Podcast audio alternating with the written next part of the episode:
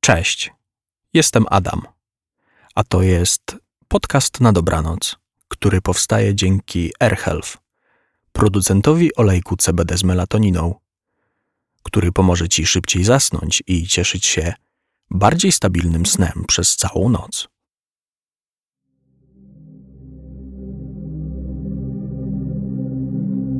Miasteczko powoli zanurza się w mroku. Ulice Starówki parują po wieczornym deszczu. Ta pora dnia wydaje się być wyciętą ostrym paznokciem szczeliną w czasie. Niepodobna do świtu ani zmierzchu. Niepasująca do reszty godzin sprawiająca, że jesteś chwilowo owadem, zastygłym w żywicy wieczoru. Kałuże połknęły wodę i błyszczą teraz w świetle latarni, niczym miniaturowe jeziora ukryte między kocimi łbami. Same koty schowały się na parapetach czujnie obserwując zapadający w sen rynek. Jakby właśnie zaczynały warte nocnych stróży. Zapewne tak jest, bo w tym miejscu nic już nie może mnie zdziwić. Stoję w oknie na poddaszu i przez nieszczelne framugi wdycham woń ozonu. Nic na świecie nie uspokaja mnie bardziej niż ten właśnie zapach ziemisty, korzenny, pełen fantazji i ciężkiej do zrozumienia dzikości. Jakby pochodził z wnętrza ziemi i przypominał mi o tym, skąd pochodzę. Sprawia, że czuję się spokojny również dlatego, że tak bardzo przypomina mi geranium, którego liście moja matka nałogowo dodawała do herbaty, kiedy byłem dzieckiem. Trzymała doniczkę w zalanej słońcem kuchni, a roślina wydzielała aromat przy najlżejszym potrąceniu. Teraz gdy ulice po deszczu wdzierają mi się do nozdrzy, zamykam oczy i widzę rodzinny dom. Kuchenny kredens, a przy nim matkę nucącą pod nosem, z dłońmi tańczącymi po blacie. Dłońmi, które zawsze wiedziały, co robić. Jak zwykle zacząłem zupełnie nie od początku, ale nie chcę już przerywać. Uciekanie myślami od tego, co wcześniej było w naszym założeniu istotne, może przecież okazać się istotne o wiele bardziej. Jestem Adam. Choć mówią na mnie sen a to jest sennik, który postanowiłem nagrywać na dyktafonie swojego telefonu. Robię to dla własnych potrzeb. Nie z obowiązku, chociaż jeśli mnie słyszysz, kimkolwiek jesteś, wiedz, że masz właśnie w posiadaniu cenny klejnot. A od Twojej decyzji, co z nim zrobić, zależy bardzo wiele. Pracuję w Galerii Sztuki Sennej. To miejsce w samym sercu miasteczka, schowane w niewyróżniającej się niczym szczególnym starej kamienicy. Z zewnątrz wszystkie są do siebie podobne. W tych najbliżej nas rozsypano licznie piekarnie i cukiernie otwarte od kilkudziesięciu lat. Niektóre wciąż prowadzone przez swoich założycieli, To dlatego nazwy ulic na rynku miasteczka pochodzą od smaków. Nasza galeria położona jest przy cynamonowej.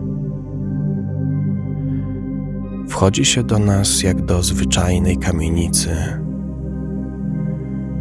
ale już w holu można poczuć, że nic nie jest tu takie, jakie wydaje się być na pierwszy rzut oka. W pomieszczeniach na trzech piętrach mamy część dzienną. To wystawy składające się z obrazów mniej lub bardziej znanych malarzy. Wszystkie zainspirowane ich snami. Jest dziewczynka pijąca przez słomkę księżyc. Jezioro, pod którego taflą urządza się nocny bal. Sąd motyli, gdzie na ławie oskarżonych zasiada wielka ćma. A nawet przyjęcie urodzinowe dla świec, zdmuchujących ludzi z tortu. Mój ulubiony to Narodziny Słońca, holenderskiego malarza naiwnego. Wyróżnia się na tle innych niedbałymi plamami. Trochę jakby płótno dorwało siedmioletnie dziecko i próbowało zapełnić całą jego przestrzeń, bez względu na rezultaty kiedy odejdzie się kilka kroków od wystawowej ściany, mimo okalających go imponujących dzieł największych artystów, wzrok i tak wędruje w stronę narodzin słońca. Jest na nim świetlista kula, wydobywająca się z wnętrza Ziemi jakby sama planeta rodziła gwiazdę. Budzi to mój zachwyt, odkąd tylko zobaczyłem go po raz pierwszy. Oczywiście chciałbym opisać obraz o wiele dokładniej, ale to jedna z tych wizji, jakiej nie sposób ubrać w żadne oddające ją epitety. Sny mają to do siebie, że opowiadane z entuzjazmem przy śniadaniu bledną z każdym słowem. Najpierw tracą kontury, jak impresjonistyczne pejzaże, później kolory i zapachy otulające nas jeszcze chwilę wcześniej. A na samym końcu sens, który nocą, tuż po przebudzeniu, wydawał nam się odpowiedzią na wszystkie pytania. Dlatego powstała galeria. I dlatego powstało poddasze część nocna. Na poddaszu pracuję od zaledwie roku. Wcześniej byłem od zwyczajnym portierem w części dziennej. Wieszałem w szatni płaszcze i szale zwiedzających. Doglądałem monitoringu i zwracałem uwagę, gdy ktoś skuszony pięknem, dotykał palcem płótna. Wtedy jeszcze nie wiedziałem, że nad nami, na czwartym, nieoficjalnym piętrze, mieści się coś, co skłoni mnie później do stworzenia tego oto sennika. Pan Morfeusz bo tak nazywamy z oczywistych względów właściciela, jest już staruszkiem. Wciąż ma krzepkie, wygimnastykowane ciało i trzeźwy umysł. Ale srebrne kosmyki na skroniach żedną z każdym rokiem. dlatego któregoś dnia przywołał mnie do siebie. Musisz nauczyć się poddasza. Powiedział enigmatycznie i tego dnia poznałem świat, o którego istnieniu nie śmiałbym wcześniej nawet pomyśleć. Na poddaszu pojawiają się przeróżne osoby. Nie są to tłumy, ponieważ wieść o nim przechodzi jedynie z ust do ust. I większość zapewne reaguje uniesieniem ich kącika, co najwyżej uniesieniem brwi. Jednak w niektórych, i o tych ludziach będę tutaj opowiadać, zasiane zostaje ziarnko. To ziarnko kiełkuje, oplata ich umysły z dnia na dzień, wypuszcza coraz to nowe, świeże pąki,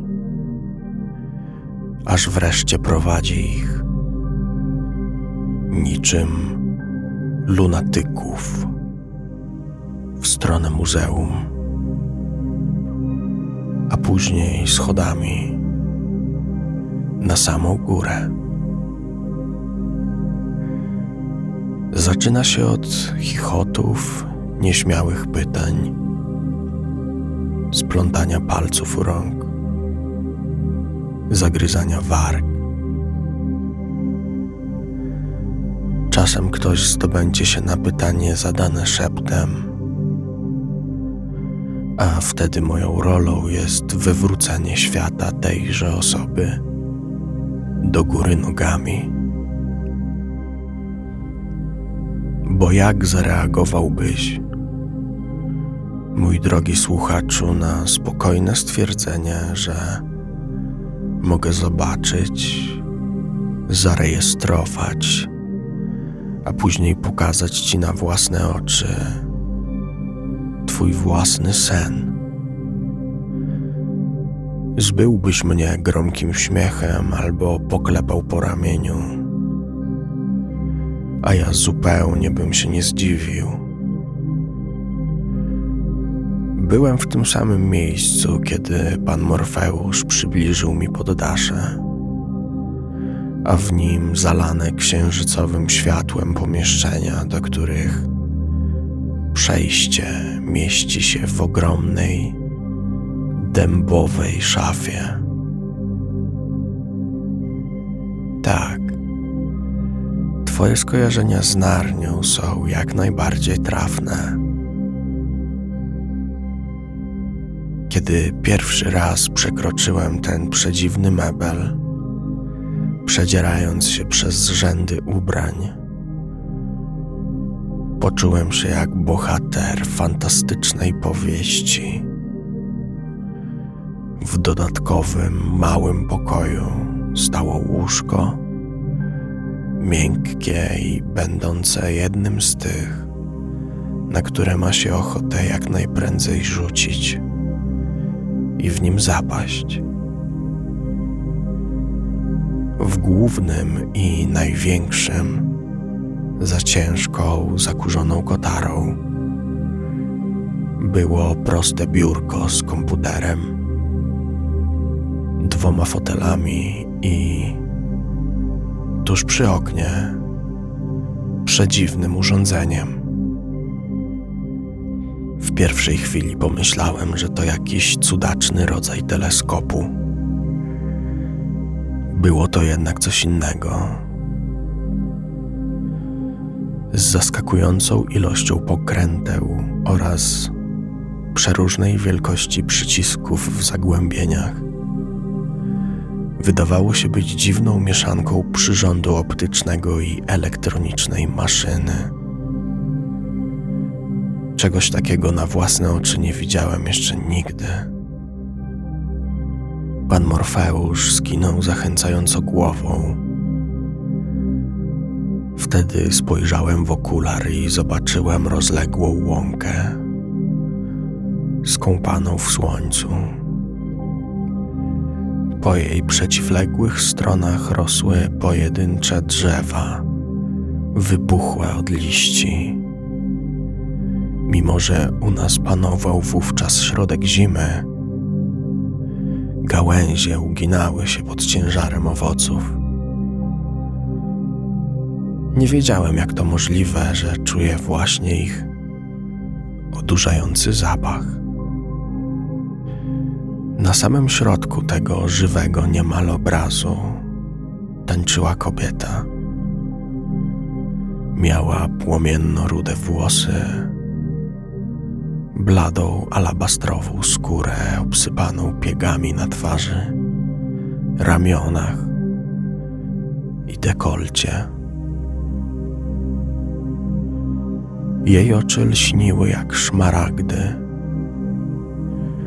Wydawała się być we właściwym miejscu i we właściwym czasie.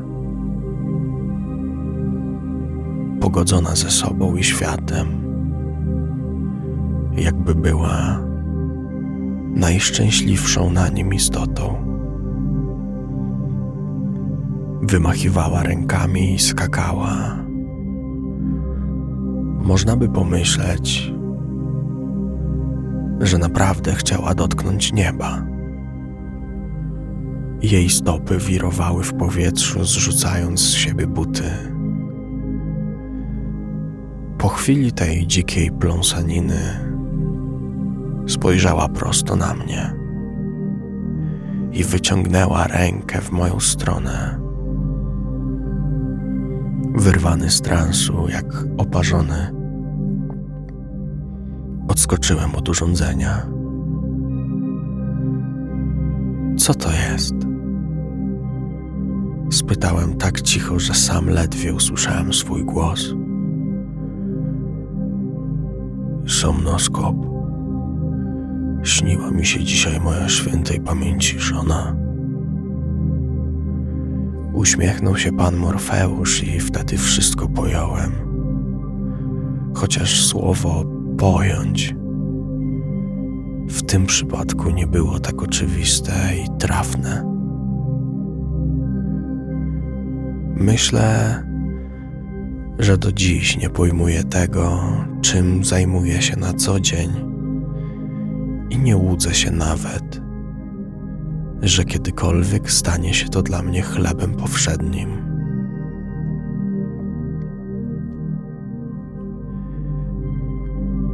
Za dużo obrazów i za dużo wrażeń zbiera się we mnie każdego dnia. Kiedy oglądam ludzkie sny, a później, gdy oglądam ich samych. Ludzi, którzy po przebudzeniu sprawdzają nagranie na somnoskopie. Teraz, kiedy mogę o tym opowiadać, i mam na to przestrzeń. Czuję, że nie będą już zatrzymywać się na granicy mojego umysłu, a przepłyną przez niego, by popłynąć dalej do źródła, które musi przecież gdzieś pulsować. Te sny po prostu na to zasługują. Stoję przy oknie na poddaszu. Znów zaczyna powoli siąpić. Jest już zupełnie ciemno. Tylko latarnie o fikuśnych, odlewanych koronach emanują miodowym światłem w jego smugach widać krople przecinające miękko noc. Bębnią też o parapet, a ich dźwięk niemal muska moje uszy, aż czuję rozkoszne dreszcze. W okolicach łopatek. Oczekując na kolejnego klienta, Wspominam dziewczynę z białymi włosami. Była u nas kilka dni temu, a mimo to nie może wyjść z mojej głowy. Dlatego o jej śnie chciałbym opowiedzieć Ci na początek.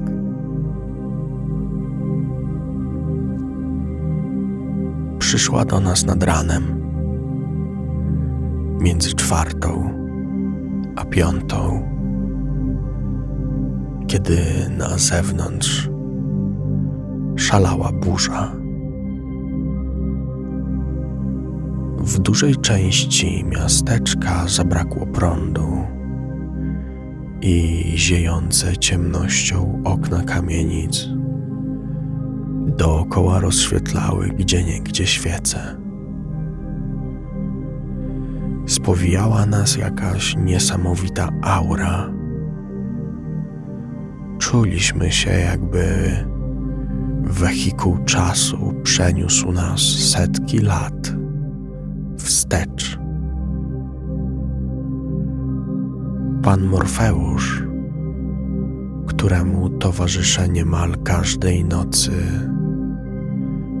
ucząc się od niego fachu, zaparzył w imbryku miętę i siedzieliśmy tak prawie całą noc w sennym mroku, sącząc herbatę, rozświetlani co jakiś czas jedynie przez błyskawice. Odkąd tak spoczęliśmy na fotelach, nie padło między nami ani jedno słowo. Słuchaliśmy tylko pomruków burzy i wyjącego w rynnach wiatru. Z panem Morfeuszem milczy się niezwykle przyjemnie. Bije od niego spokój i mądrość, z którą zwyczajnie chce się obcować. Obserwowanie jego wyważonych ruchów jest już moim rytuałem. Nawet sposób, w jaki trzyma uchwyt filiżanki, wydaje mi się przemyślany i naznaczony geniuszem. Głębokie bruzdy wyryte w jego twarzy są jak wyżłobione przez lata koryta wyschniętej rzeki. Pory skóry jak wymarłe wulkaniczne kratery, a brwi niczym wykarczowany częściowo las. Jest uosobieniem życia, które powoli zmierza ku końcowi, ale jeszcze nie zamierza zupełnie gasnąć, a jedynie uśpić czujność śmierci. Mam nadzieję, że nie zauważył tego, jak często wpatruje się w niego w milczeniu, niczym w jeden z muzealnych obrazów. Myślę, że mój nieumiarkowany podziw do jego osoby mógłby go zawstydzić lub nawet odstraszyć. Tamtej burzowej nocy pan Morfeusz nawet nie drgnął, kiedy rozległ się odgłos dzwonka do galerii.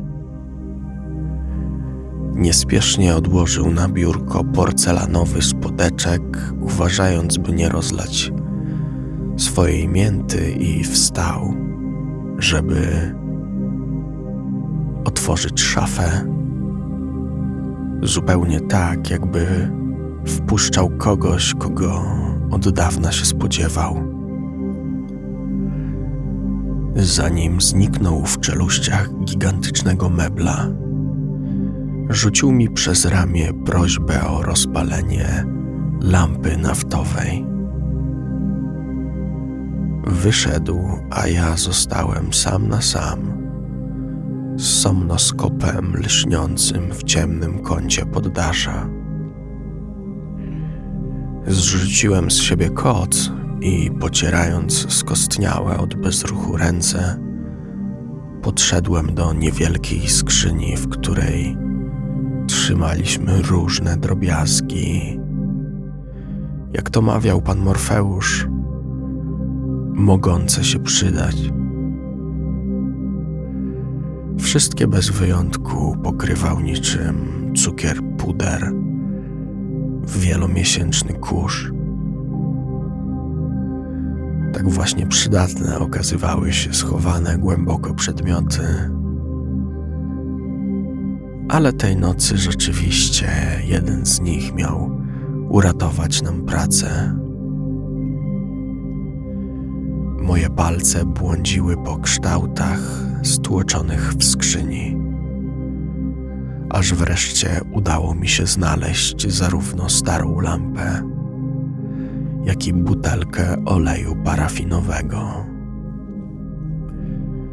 Postawiłem wszystko na biurku i przy świetle księżyca ostrożnie napełniłem lampę parafiną. Chwilę później, gdy czekałem aż knot nasiąknie, usłyszałem dziewczęcy, ożywiony głos na schodach. Zdjąłem ostrożnie klosz, następnie komin i upewniwszy się, że knot ma odpowiednią długość, rozpaliłem ogień używając do tego znalezionych w kieszeni zapałek. Założyłem klosz z powrotem i zacząłem obracać pokrętłem do momentu, aż biały płomień zmalał, kiwając się hipnotycznie w lewo i w prawo. w lewo i w prawo. I jesteśmy. Usłyszałem za sobą głos pana Morfeusza i odwróciłem się. Moim oczom ukazała się dziewczyna z zupełnie białymi włosami oraz brwiami. Kolor jej cery przypominał śnieg. Ociekała deszczem, a pod jej stopami już zdążyła urosnąć sporej wielkości kałuża.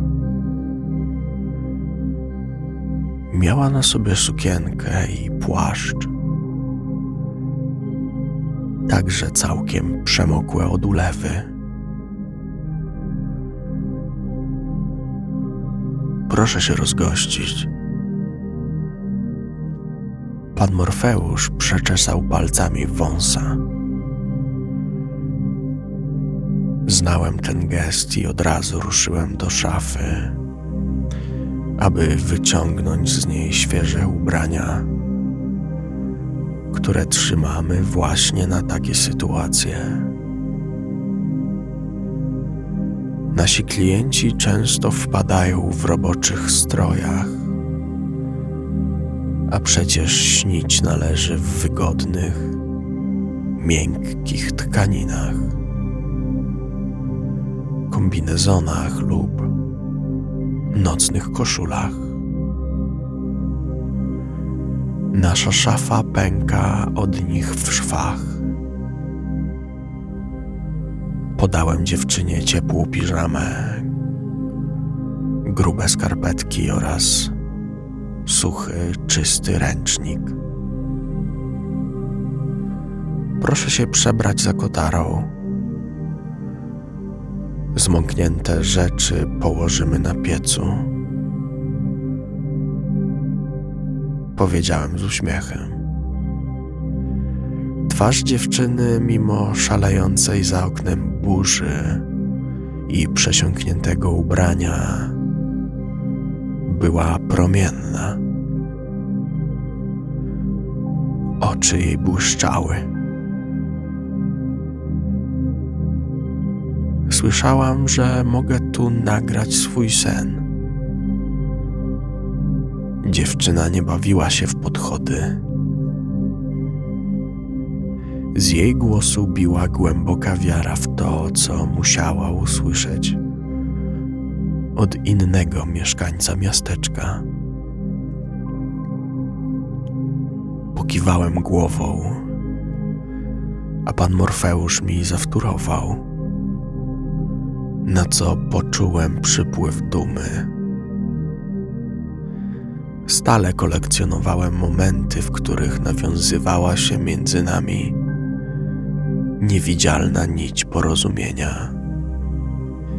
Nasza nocna gościni zniknęła za kotarą, aby się przebrać, a mój mentor zaczął przygotowywać somnoskop do pracy. Mimo, że znałem już na pamięć cały ten proces, znów bacznie przyglądałem się, jak jego palce z młodzieńczym niemal wigorem tańczą po urządzeniu wyćwiczony przez lata układ, uruchamiając naszą machinę snów. Zupełnie jak palce mojej matki, kiedy wrzucała odpowiednie warzywa, zioła i przyprawy do naczyń a później powstawały z nich dania o smaku nie z tej ziemi. Uśmiechnąłem się na samą myśl, że oto znów mam w swoim życiu osobę, przy której mogę poczuć się jak w domu. Dziewczyna stanęła tuż przy nas w piżamie z pluszu, a pan Morfeusz poinstruował ją, co dalej. Kiedy go słuchała, tkwiąc tak w bezruchu,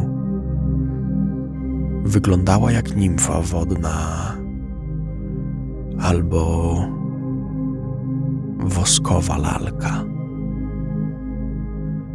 Z ich rozmowy dowiedziałem się, że na co dzień pracuje w piekarni w starym młynie i uznałem to za magiczne połączenie.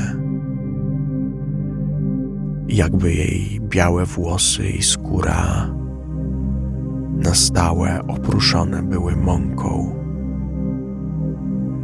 Wszystko zostało już powiedziane i nasza klientka udała się do sypialni.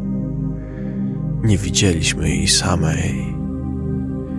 Intymność śniących była naszym priorytetem,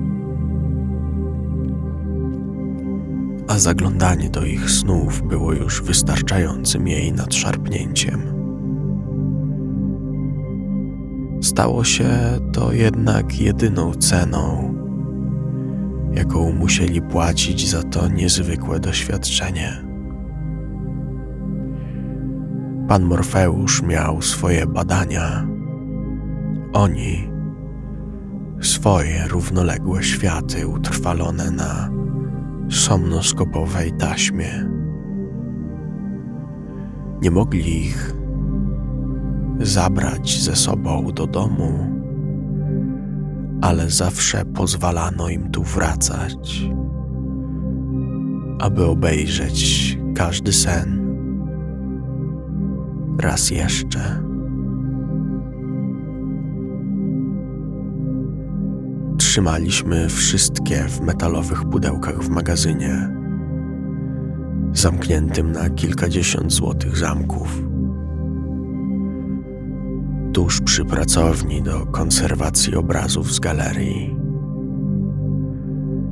Było parę takich osób, które, jakby trzymając się swoich sennych światów niczym różańca w chorobie, powracali bardzo często.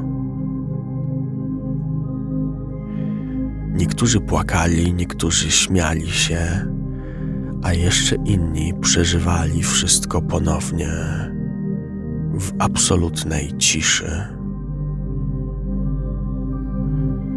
Dziewczyna chyba już zasnęła, ale somnoskop nie wykazywał na razie żadnych zmian.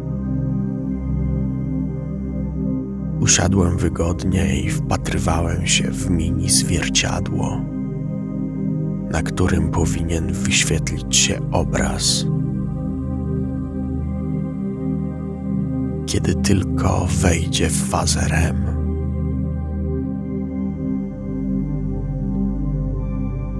Pan Morfeusz, w pełni mi ufając, przymknął powieki na drugim fotelu. Praca tutaj nauczyła mnie cierpliwości, naznaczonej niemalże świętością. Wiedziałem, że jedynie spokój i oczekiwanie może przynieść jakiekolwiek rezultaty. Nikt pod presją nie jest w stanie zapaść w pełen obrazów sen. Pamiętam wiele nocy spędzonych przy milczącym urządzeniu, zakończonych mdłym rozczarowaniem klienta Ktoś taki albo tracił wiarę i nigdy nie wracał, albo próbowaliśmy raz jeszcze. Na końcu tej przepełnionej bezgraniczną ufnością drogi, na cierpliwych, zawsze czekała nagroda. Kiedy brałem kolejny łyk miętowej, nieco już ostygłej herbaty, coś zaczęło się pojawiać. Na moich oczach wyrosła nagle z absolutnej ciemności duża wyspa pokryta piaskiem. Wiatr roznosił jego kryształki w powietrzu, a one wirowały w przedziwnych konfiguracjach wymykając się prawom fizyki. Zataczały okręgi niczym dzikie gęsi rwące skrzydła do lotu. Tworzyły od nowa wiszący nad morzem firmament. A morze? Także dalekie było od klasycznego. Obnażone języki fal liżące brzeg wyspy oślepiały swoją bielą. Jakby to nie woda, a mleko rozlało się na cały świat i pokryło go lśniącą warstwą śnieżnego lukru. Nie miało w sobie nic z dzikości prawdziwych oceanów, nic z niebiesko-szarej chwiejności, która może chłonąć wszystko, co napotka na swej drodze. Morze ze snu dziewczyny z białymi włosami było płynącym mlekiem z dodatkiem miodu. Mogłem tylko wyobrazić sobie, jak ciepłe i otulające jest w dotyku. Z morza wynurzyła się też sama dziewczyna i wdzięcznym ruchem podpłynęła do brzegu, jakby dobrze go znała. Stopy zapadały jej się w piasku. Miała na sobie tę samą piżamę, którą wyciągnąłem dla niej wcześniej z czeluści szafy. Ruszyła w głąb wyspy. choć wydawać by się mogło, że niewiele na niej znajdzie. Gołym okiem widziałem, jak piasek co róż rozmywany przez wiatr rozciąga się wzdłuż lądu miodowymi połaciami i nie ma oprócz niego nic więcej. Nie mogłem pomylić się bardziej. Im dalej szła nasza bohaterka, tym więcej wyspa odkrywała przed nią swoich skarbów. Jak otwierająca się ostryga drażniona przez piasek, pokrywająca jego kryształki perłową masą.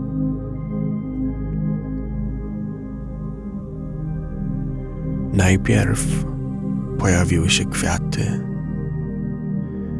wykluwały się prosto ze śladów stóp, które zostawiała po sobie dziewczyna i rosły tak szybko, jakbym oglądał przewijaną w przyspieszonym tempie animację.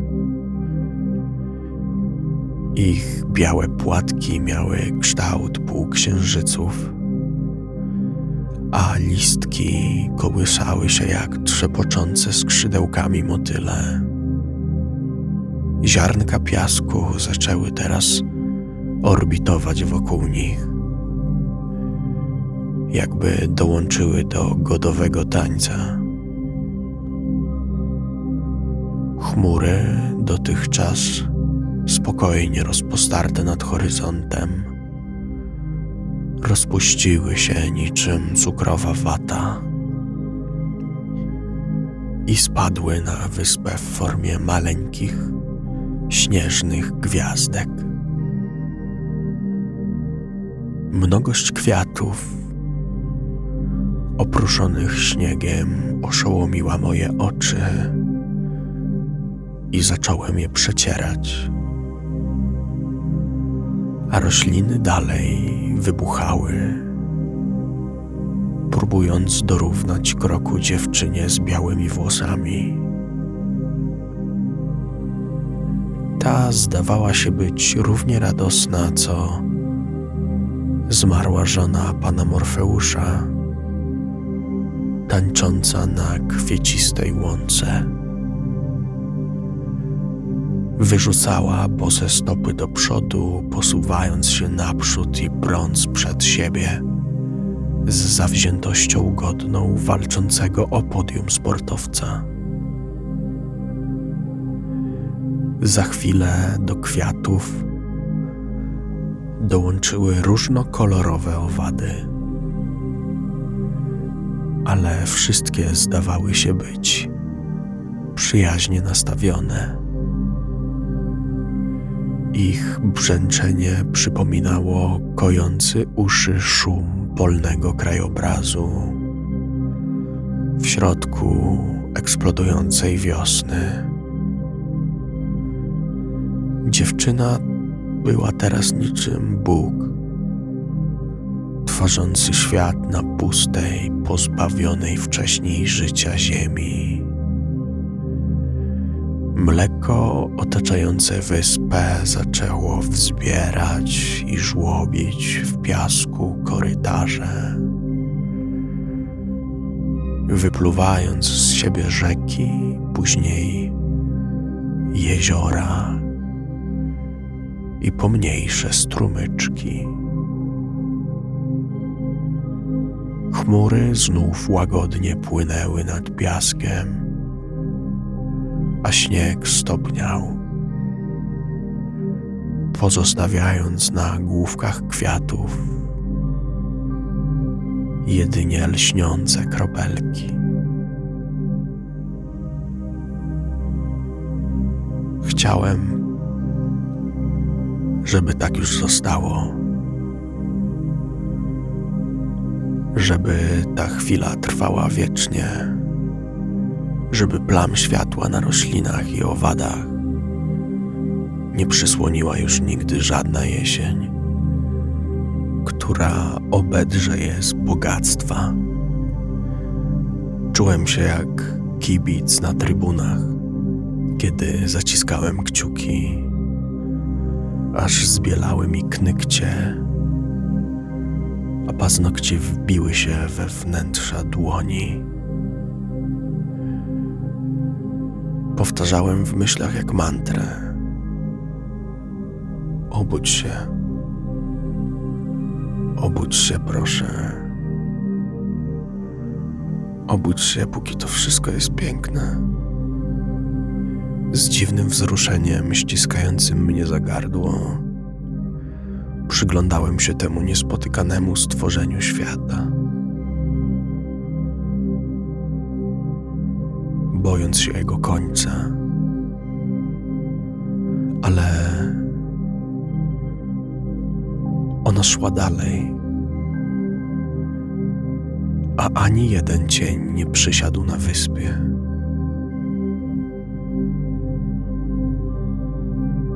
Poderwały się do lotu ptaki o cytrynowych skrzydłach. Motyle usiadły jej na włosach. Dziewczyna wybuchnęła przepięknym, perlistym śmiechem którego echo aż zadrżało pod nieskończonością nieba.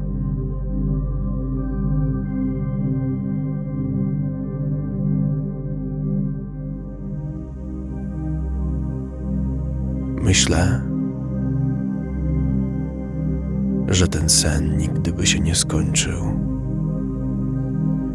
gdyby nie głośny grzmot burzy, który obudził zarówno pana Morfeusza,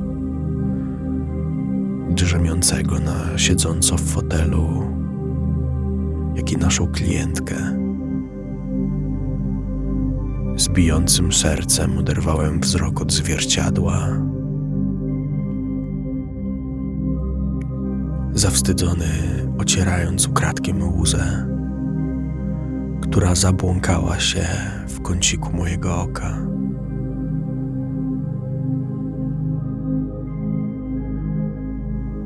Dziewczyna przyszła do naszego pokoju tak samo radosna jak chwilę wcześniej, gdy przemierzała wyspę.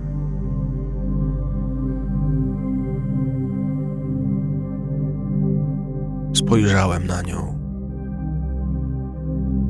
spojrzeliśmy na siebie, myśląc zapewne o tym samym. Kiedy odsunąłem się,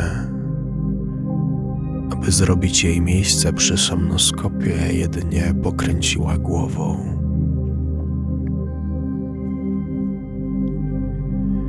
Mam ją tylko dla siebie każdej nocy, powiedziała. Chciałam po prostu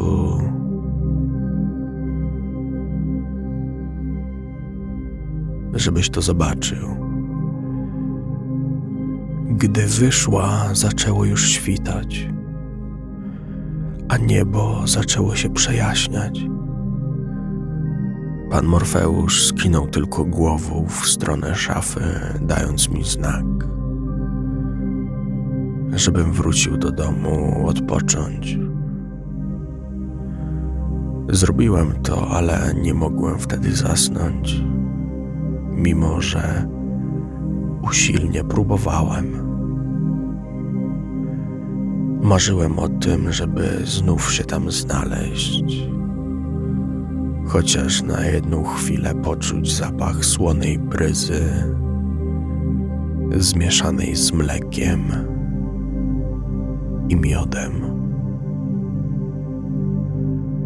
usłyszeć kojący owadzi szum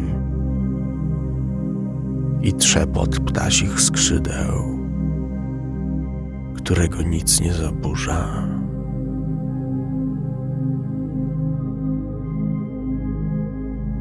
Teraz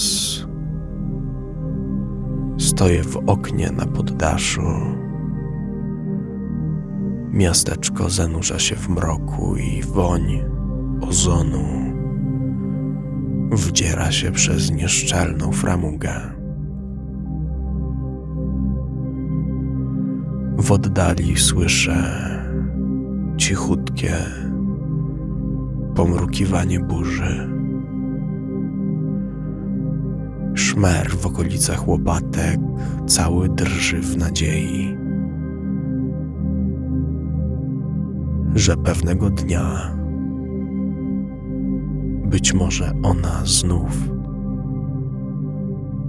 do nas przyjdzie.